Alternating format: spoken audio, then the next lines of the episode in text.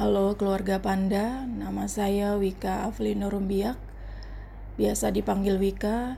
Saya bekerja dengan isu perencanaan tata ruang dan juga pemetaan partisipatif, terutama berbasis gender, yaitu dengan memetakan ruang kelola masyarakat adat berdasarkan persepsi perempuan dan laki-laki dalam pengelolaan sumber daya alam dan jasa lingkungan. Dari hasil pemetaan tersebut dapat diadvokasi untuk diakomodir di dalam penataan ruang baik di tingkat kampung, tingkat kabupaten, dan juga provinsi. Masyarakat adat mempunyai modal sosial yang kuat dalam pengelolaan sumber daya alam dan jasa lingkungan, termasuk tanah ulayat.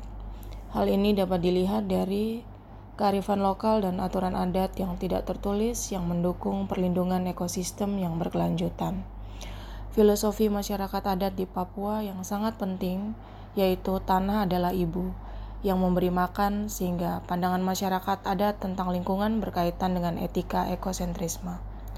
Saya merasa bahwa konservasi merupakan salah satu upaya investasi sumber daya alam dan jasa lingkungan yang dapat dimanfaatkan untuk keberlanjutan hidup masyarakat adat di masa mendatang dengan mempertahankan fungsi ekologi dan juga nilai-nilai budaya.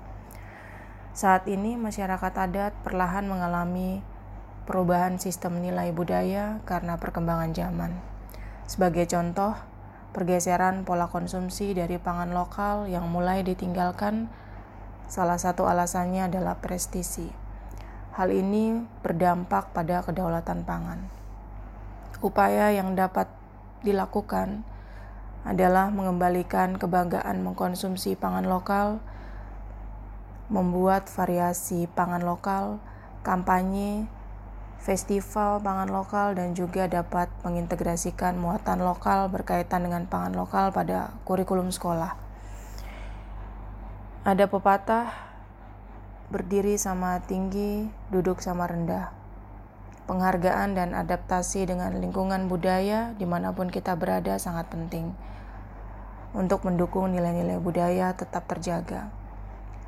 Masyarakat adat juga perlu dipersepsikan bukan sebagai masyarakat marginal, melainkan masyarakat yang mempunyai modal sosial yang kuat